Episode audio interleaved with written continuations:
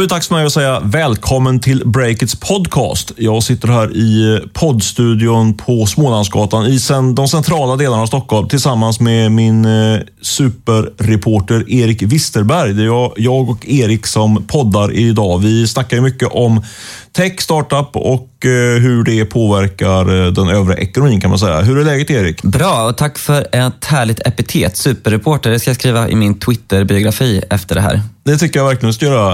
Eh, vi brukar inleda med en liten ingress så att ni lyssnare får någon koll på vad vi ska ta upp för något i den här podden. Och den här veckan tänker vi servera en riktig djupdykning i det som vi kallar för Instageddon. Eh, det är ju något som får stjärna i sociala medier att numera ligga sömnlösa på nätterna. Dessutom dissekerar vi Widespace, Widespace heter de, det hypade adtech-bolaget där regeringen nu har sjunkit ihop som en liten soufflé. Vad är det egentligen som händer där? Och ni som hänger med oss till slutet får också veta hur du gör för att bli en nyhet på Breakit. Eh, men först måste vi leverera en rykande färsk nyhet om eh, podcastplattformen Acast eh, som vi fick uppgifter om precis här innan vi gick in i poddstudion. Erik, vad är det som har hänt? Ja, det som har hänt är att Acast nu tar in en ny runda riskkapital och det är hela 155 miljoner kronor. Så det är deras största runda hittills. Och nya ägare är bland annat Swedbank Roburs fonder, Ny Teknik och Microcap. Och sen finns också Northern Asset Managements fonder Target och Select med där. Och det var ju några av de här som du tyckte var extra intressanta, Stefan. Intressant. Mm, absolut. Vi eh, tittade igenom den här eh, informationen precis innan vi började spela in och vi noterade då, eller jag noterade då att Swedbank Roburs nya, eller inte ny, nygamla fond, Ny Teknik, eh, då är en av de största investerarna i den här nyemissionen. Och det är intressant av flera orsaker. De har gjort om den här fonden. Den har varit väldigt framgångsrik och investerat i börsnoterade teknikbolag. Men har efter, vid årsskiftet så, så vidgas deras eh, placerings regler. Jag gjorde en intervju med, med eh, Carl Armfelt som är, får man säga, stjärnförvaltare på den här fonden. Väldigt framgångsrik sådan. Han var inom parentes den, eh, den för, eh, analytikern som upptäckte eh, omvandlingen av Kinnevik från ett eh, gammalt industriinvesteringsbolag till, till ett techinvesteringsbolag kan man säga. Väldigt förenklat.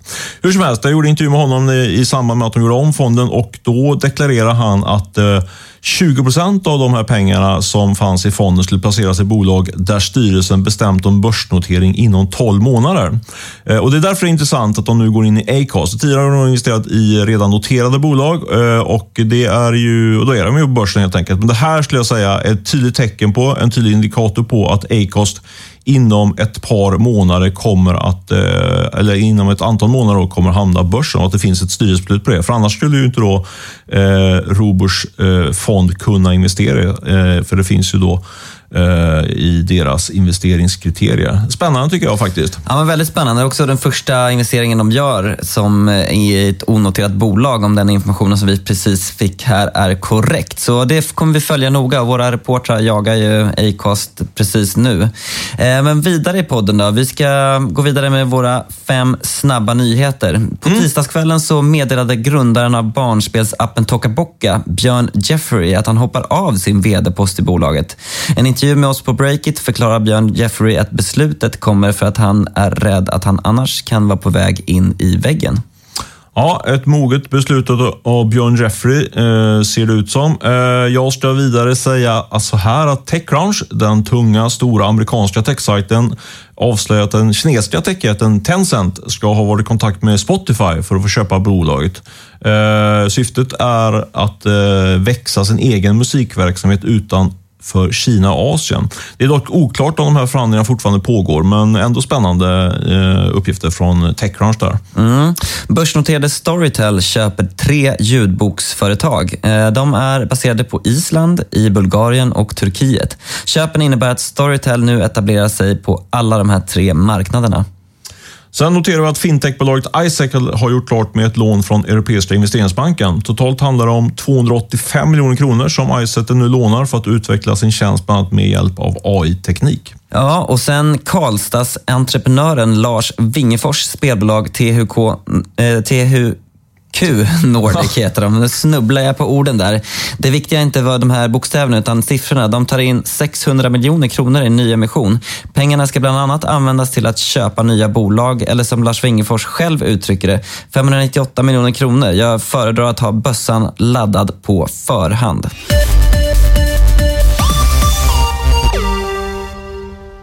Breakits podcast sponsras av Rackfish, premiumbolaget inom hosting som bland annat är specialiserade på videolösningar. Mm, de har bland annat en egen streamingtjänst som heter Streamio som används av stora företag, svenska staten och en hel del eh, startups också. Den här går att bygga in i sin sajt med ett enkelt API. Ja, och Rackfish eh, har ju också tidigare skött hosting och leverans av video åt ett gäng stora internationella varumärkens reklamfilmer, till exempel Adidas och Converse. Yes, och nu kör de också igång med livesändningar i Streamio. Och eh, vill du komma i kontakt med eh, Rackfish-grundaren Johan Olde för att höra mer om det här så kan du ringa honom på 08 425 018 18. Alltså 08 425 018 18. Där i den, om du slår i numret så är det ofta Johan själv som svarar. Tack Rackfish för att ni sponsrar vår podd. Ja, vi drar väl igång med veckans stora snackis, tycker jag. Instageddon, som vi har döpt den till. Eller Erik, du myntar det här namnet. Eh, du har eh, grävt i hemliga Facebookgrupper och även djupdykt i Instagrams algoritmer. Låter spännande. Vad, vad är det egentligen som har hänt? Förklara. Ja, men för att sätta fonden lite. Instagram har ju blivit en av de viktigaste kanalerna för både företag och så kallade influencers för att nå framgång i sociala medier. Nu hackar det här maskineriet. Det finns liksom stora problem för både småföretag, stora företag och influencers. Och, eh, jag började nysta upp den här härvan helt enkelt, eller historien får vi väl kalla det, efter ett spännande tips. Ja, eh, jag måste säga att, eh, erkänna att jag också såg det där tipset. Men det var ju du som gjorde det stora jobbet sen. Vad, vad stod det i tipset? Om du ska ge lite bakgrund till... Ja, men det var ju en, eh, en svensk profil, Nina Campioni, som hörde av sig och berättade att eh, publiken försvinner på Instagram. Eh, likesen är borta, engagemanget rasar och man når inte ut. Och hon vittnade också om att det fanns en liksom, stor desperation kring det här bland hennes liksom, kompisar och eh, kollegor som jobbar med Instagram i, professionellt helt enkelt. Mm. Så det var så det började. Och du skriver, har ju skrivit ett långt reportage om det här, väldigt välskrivet och intressant som vi har fått eh, väldigt hög läsning på. Men eh, om vi ändå skulle ge våra poddlyssnare en liten eh, gräddfil eh, kring, kring till det här reportaget. Vad är, vad, är liksom, vad är det viktigaste du har fått fram i, i ditt eh, grävjobb?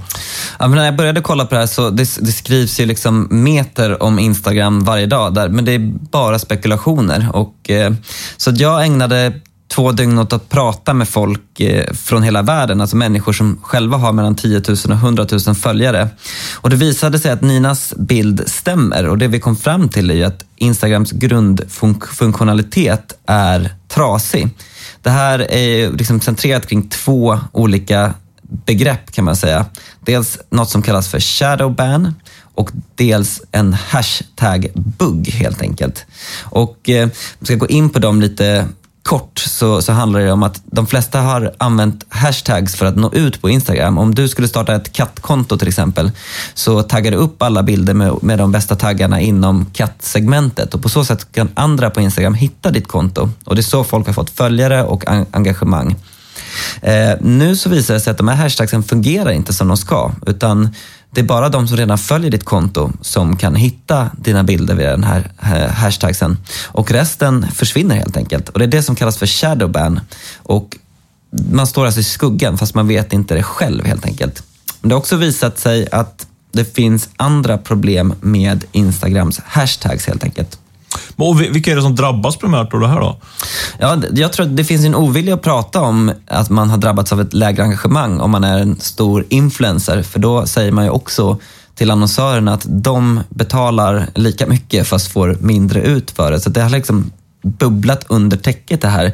Men man kan ju säga att allt från jag själv, som har ett litet så här hobby skateboardkonto på Instagram med tusen följare, till eh, Kins... Ett väldigt bra sådant måste jag säga. Jag måste marknadsföra det här i podden. ja, tack så mycket.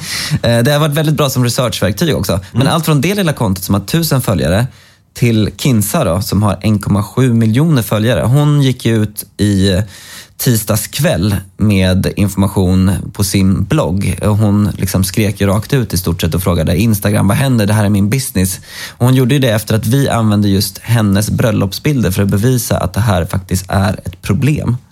Så det, men eh, just det, just det faktum att hon går ut i sina publika kanaler och, och eh, kan man väl säga, och protesterar mot det här, det, det tyder väl på att eh, det här är en story som, som bara växer och växer. Va, va, men vad beror allt det här på egentligen? Så har, du, har du kommit fram till något svar på det? Ja, jag kan servera en liten tallrik av liksom mer eh, plausibla teorier, som, alltså när jag har lagt ihop pusslet själv. Och då, det är så här. Då. Mm. Det, det som ligger närmast till hand är ju helt enkelt att Instagram gör precis som man gjorde på Facebook. Facebook äger ju Instagram och Facebook skruvade åt sina algoritmer för att få folk att köpa räckvidd istället. Det här skedde för några år sedan. Det kan vara så att Instagram håller på att göra exakt samma sak nu. Det kan också vara en storstädning på Instagram. Eh, det har varit en plattform som har haft sjukt stora problem med så kallad bottrafik. Alltså man sätter eh, små datorprogram på att lajka och kommentera och följa kring hashtags och så vidare. Om man slår bort liksom, eh, hashtags eh, eller mixtrar med dem så kan man liksom ta bort bottarna. Och eh, mina egna efterforskningar tyder på att bottrafiken har minskat väldigt kraftigt. I så fall är det bara bra. Eh, däremot så kommer det bli en sjuk ögonöppnare för många som har byggt stora konton på sociala medier om de förstår att hälften av mitt engagemang, det var bottar. Ehm, så att det kan ju vara så. Eh, sen kan det också vara så här att det är en mer allvarlig grej som har hänt och det var i slutet av augusti så kom det en stor dataläcka från Instagram eh, som började med att Selena Gomez, störst i världen på Instagram, eh, publicerade en nakenbild på sin ex-pojkvän Justin Bieber på sitt konto. Det visade sig att hon hade blivit hackad. Några dagar senare så kom det ut information från Instagram att ett stort antal konton hade läckt. Eh, där var det användaruppgifter, inte lösenord, men om man har alla användaruppgifter, telefonnummer, mejladresser och så vidare så kan man ju också hacka sig in om man är en, en vass hacker. Senare visade det sig att det var 6 miljoner konton som påverkades och många av de profiler som verkligen har drabbats av shadowban och hashtagbuggen, de uppger att de har blivit ombedda att verifiera sina konton via ett sms-kod. Och det här skedde precis i samband med den här dataläckan. Så att, eh, ja, det är väl de teorierna som jag kan tänka mig. Där någonstans finns svaret. Men har du, har du någon, eh, vilken häst satsar du på så att säga? Vad, vad tror du är mest troligt? Eh, eh, bottarna, den är, den är given att den spelar in. Eh, och eh, sen så ligger det nära till hands att tänka att Instagram nu vill få ut pengar från sina profiler. Men det viktigaste så ska jag säga liksom, att det spelar ingen som helst roll hur många följare någon har på Instagram. Utan eh, en miljon följare kan vara helt värdelösa om du inte kan nå ut. Eh, om du har byggt upp ditt konto eh, på bottrafik och så vidare. Men hur ska man tänka då som, som köpare av Instagram? Alltså om man ska anlita en influencer, hur ska man liksom verifiera att det är riktig, riktiga följare? Går det eller? Det finns en massa liksom, verktyg och sånt för det, men det som Instagram gör nu det är att de inför sin egna annonstagg som man ska tagga upp samarbeten vilket ger annonsören direkt insyn i datan. Och ska lägger man ihop alla pusselbitar här så ser man att Instagram håller på att ta kontroll över hela den här världen och mm. de gör ju det för att eh, på sikt öka Facebooks, Facebooks värde på börsen. Superintressant och det låter väl som den, ja, det låter absolut som den troligaste förklaringen tycker jag. Även om det kanske inte är den eh, mest positiva egentligen, för, ja, förutom för Instagram och Facebooks aktieägare. Då. Vi har den här veckan med oss Uggla Massage och Wellness som sponsor. Ja, du har ju själv utnyttjat deras tjänster just i den här lokalen, eller hur Stefan? Ja, men absolut. En poddstudio kan användas till allt möjligt. Eh, just det att Uggla Massage och Wellness kommer ut med sina terapeuter tycker jag ju själv personligen är ett stort plus. Det blir väldigt tidseffektivt. Ja, och bland vår personal så har det varit en väldigt uppskattad förmån och mår personalen bra så mår ju normalt sett också företaget bra. Verkligen. Och nu har dessutom Uggla Massage och Wellness ett riktigt flott erbjudande till alla entreprenörer som lyssnar på den här podden. Verkligen. Det är nämligen så att Uggla Massage och Wellness kommer ut helt gratis till ditt företag första gången. Ta chansen att testa. Du och din personal kommer garanterat att bli nöjda. Och Ugglas massörer finns i hela landet, så även du som sitter utanför Stockholm kan testa det här erbjudandet. Gör det. Eh, kontakta grundaren på Uggla Massage och Wellness via mail. Det är det enklaste. Det är lisa.ugglamassage.se. lisa.ugglamassage.se Hör av er till henne så fixar hon eh, så hon eller hennes kollegor kommer ut och ger er lite skön massage. Då ska vi snacka om techstjärnan Widespace, eller den forna techstjärnan Widespace, som du, Stefan, kallade mobilannonsbolaget för i en kommentar igår. Vad är det som har hänt? Ja, Widespace är ett bolag som, som jag personligen faktiskt har följt under ganska många år nu. Jag börjar själv bli väldigt gammal, så jag har varit med här. Eh, det var ett bolag som seglar upp Eh, på techhimlen eh, som en stjärna, får man säga, för en fyra, fem år sedan. Eh, och de var väldigt snabbt ute med det här med mobilannonsering som innan, innan det tog fart. Vi var ju först började vi använda mobilen väldigt mycket som, som konsumenter och sen så efter det så följde ju då ett par, tre år senare så följde annonsörerna efter. Och då var Widespace perfekt positionerade för att surfa på den där trenden. Eh, och det måste säga att eh, Wisebait är ju eh, både ett eh, säljbolag eh, och ett teknikbolag. Och de har haft en riktigt stark utveckling de senaste åren om man tittar både på när det gäller omsättning och, eh, eh, och värdering om inte annat. Ja, Whitespace värderades till över 600 miljoner för bara något år sedan. Men sen hände någonting. Vad, Ja, absolut. Och det är väl det är orsaken att vi, till att jag skrev min kommentar och, och att vi då också rapporterade här i Nyhetsväg igår. Eh, så här är det. De värderades då till eh, 600 miljoner plus för drygt ett år sedan. Men nu kan man säga att eh, marknaden kommit ikapp dem och nu är värderingen nere på en helt annan nivå. Runt 36-37 miljoner kronor värderas bolaget till nu. Orsaken till det är väl att man hade som sagt en väldigt bra position på marknaden, men nu har, har om man tittar på säljdelen av Widespace, eh, den, den eh, fördelen de hade där har de eh, tappat och de har förlorat flera stora kunder. De hade bland annat, sålde bland annat för, åt Bonnier-koncernen och deras, deras till exempel Expressen och liknande. Och det har Bonnier till stora delar tagit över det säljet. Så där har man tappat en hel del i, i omsättning. Och sen har de då plockat fram en egen teknik då, som, de, som har varit kanske det, liksom, det som har varit väl, allra mest triggad av i, eh, i Widespace-storyn. Eh, man har försökt ta fram en egen plattform för mobilannonsering. Eh, och i, men om man gör ett sånt bett så konkurrerar man mot en rad stora amerikanska techjäktar som kanske investerat, eller som har investerat flera hundra miljoner kronor i den där tekniken. Och då är det har varit svårt för Widespace att hänga med kan man säga. De har ju tagit in ungefär en kvarts miljard i riskkapital, men, men har ju bränt mycket pengar på, på andra saker också. Mm, och nu som du var inne på, värderas inte Widespace till 600 miljoner kronor längre va? Nej, eh, det som har skett då det är att man har haft en, eh, ett eh, konvertibellån som ger de som, ger, som lånar ut de här pengarna rätten att konvertera det här lånet till aktier. Eh, och det har nu skett. Eh, det är Norson och, eh, alltså riskkapitalbolaget Norson och Industrifonden, statliga Industrifonden, som har stått för stora delar av det här lånet. De har nu konverterat det här till, till aktier och det har blivit en riktigt tung utspädning för de andra aktieägarna.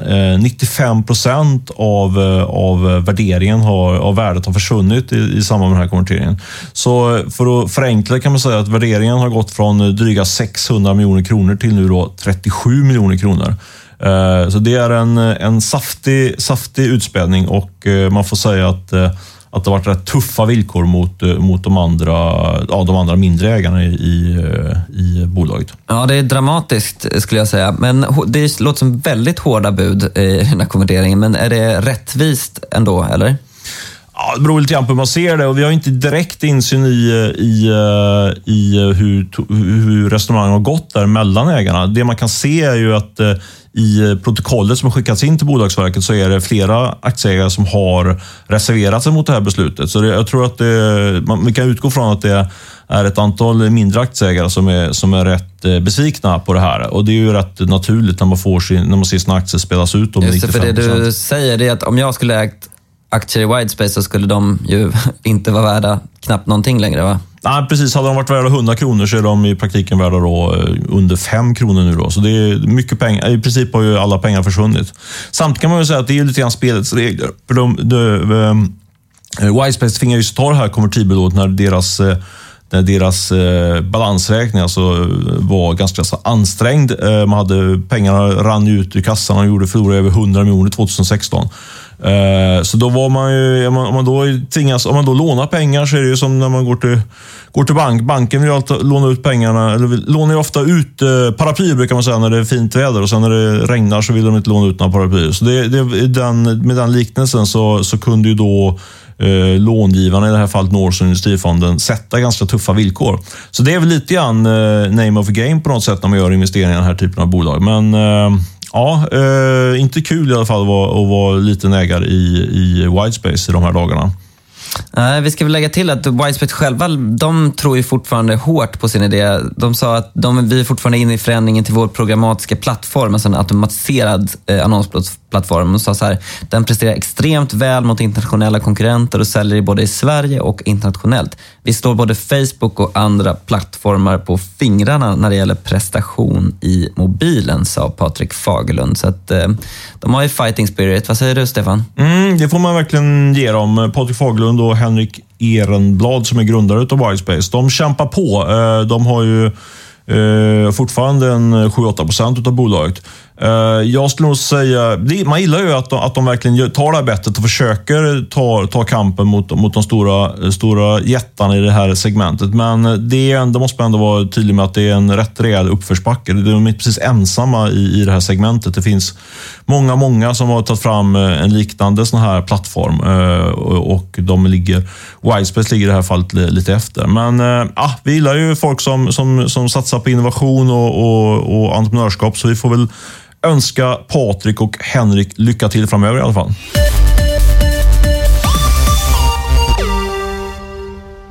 Idag måste alla företag ha en sajt för att kunderna ska kunna hitta dem. Men att bygga en sajt kan vara både dyrt och svårt. Och Det problemet löser Heimo som sponsrar Breakits podcast även denna vecka. Ja, Heimo gör att du, helt utan kunskaper i programmering, kan sätta ihop en snygg och användarvänlig sida. Det går snabbt, det är enkelt och det är gratis att testa tjänsten. Så är det. Gratisabonnemanget heter Drömma och med det kan du testa och komma igång. Sen om du vill vidareutveckla din sajt och dessutom få gratis domännamn på köpet så signar du upp och uppgradera ditt eh, abonnemang till abonnemanget Starta. Gör det och ange rabattkoden BREAKIT med små bokstäver så får du 30% rabatt. Och det gör du på eh, sajten heimo.se. Det stavas H-E-Y-M-O. Tack Heimo för att ni hjälper entreprenörer att bygga snygga och smarta hemsidor och för att ni stöttar vår podd såklart. Yes, Erik. Då tänkte vi avsluta den här podden med att leka lite PR-konsulter eh, en stund. Vi får ju hundratals påstötningar faktiskt från företag och organisationer Eh, varje vecka eh, som vill att vi ska skriva om dem och deras eh, eminenta idéer och företag. Och Det är kul. Samtidigt så, så blir det ju onekligen ett rätt stort brus här på redaktionen. Det är inte så lätt alltid att och, och eh, komma igenom det bruset och till slut hamna som en artikel på, på Breakit eller någon annan redaktionell form.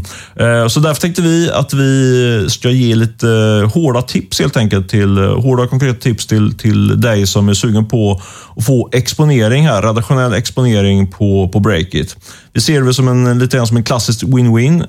Den som är intresserad av att få, få redaktionell publicitet har ju såklart något att vinna, men även vi här på redaktionen har ju något att vinna av att de som pitchar mot oss eh, eh, gör det på ett enkelt och rakt och tydligt sätt så vi kan, eh, så vi kan sålla i det här flödet av nyheter. Eh, Erik, du har ju tidigare, innan du kom på break, till Breakit, jobbat eh, ett antal år som mediereporter på Dagens Media. Frågan är om, du, om det finns någon här i Sverige som är bättre lämpad för att svara på de här frågorna. Eh, kanske du och jag tillsammans då, eftersom jag ändå sitter och gör det här urvalet också lite grann. Men vi börjar med dig. Eh, vad skulle du säga? Vad, vad ska man göra för att bli, för att bli en nyhet på Breakit? Ja, nej, men det är en intressant fråga. Jag har faktiskt redan fått vara ute och snacka på två olika events. Ett i Malmö och ett här i Stockholm om just den här frågan. Så det finns ett sug efter den här informationen. Och jag satte ihop en här, nu, extremt komprimerat. Och det första jag skulle vilja råda till alla, det var så här, osentimental. Alltså, titta verkligen på det du ska skicka iväg. Är det här en nyhet? Och om för att liksom kolla den, den frågan, så tänk verkligen så här, är det här intressant för andra än de närmast sörjande? För det kan ju vara så att man har jobbat jättelänge med en intern grej som kanske är stort internt på ett företag, men det betyder ingenting för någon annan.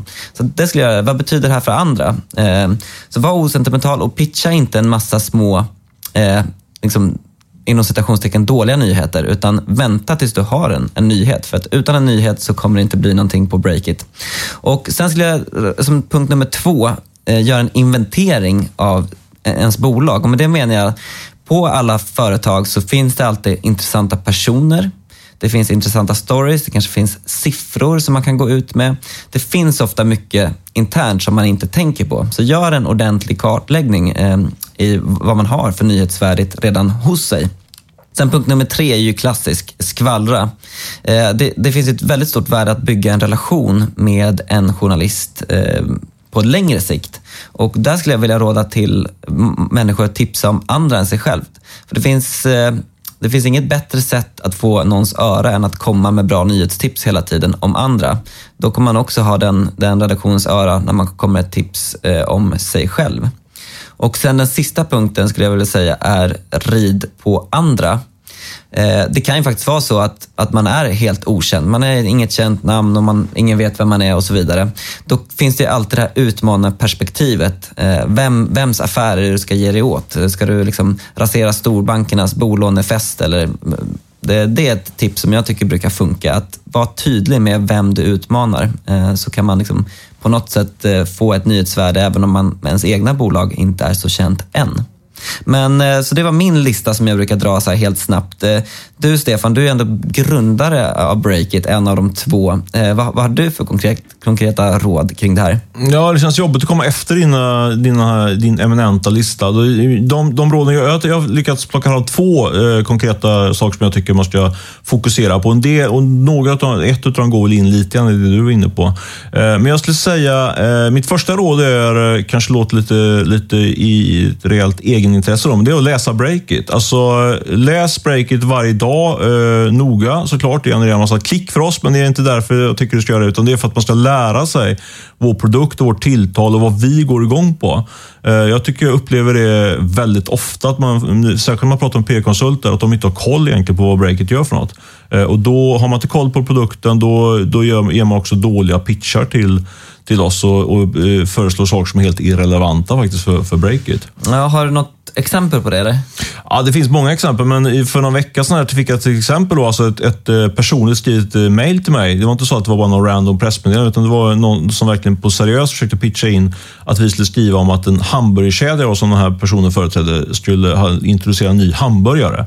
Eh, då har man ju verkligen koll på, på vad vi gör för något.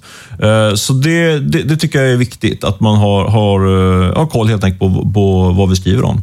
Det andra är väl som går in lite grann på, det på i, i dina, dina råd, det är helt att man ska bygga då, eh, relationer med oss journalister. Eh, bjud, bjud, oss på lunch brukar jag säga. Eh, jag, kan också, jag kan gärna stå för lunchnotan, inte det som är väsentligt. Utan jag, jag själv träffar jättegärna eh, folk från olika kategorier i samhället eh, och i olika nischer. Eh, för där eh, det är ett sätt som journalist att bygga upp, eh, bygga upp ett nätverk och få nyheter. Om du då kan eh, approchera mig med, eh, med intressanta tips och spaningar om den branschen som du befinner dig i, eh, då är det väldigt intressant för mig. Då ska man framförallt inte eh, tänka på att pitcha, pitcha på sig själv eller vad man själv håller på med, utan då, precis som du var inne på, liksom komma med skvaller och spaningar om Eh, mer, av mer generell nivå. Det är alltid, intressant för journalister att ta del av. Så eh, eh, för att summera skulle jag säga att läs breaket och bjud mig på lunch. Då, då har ni en, en möjlighet att ta er in på breakets nyhetssida.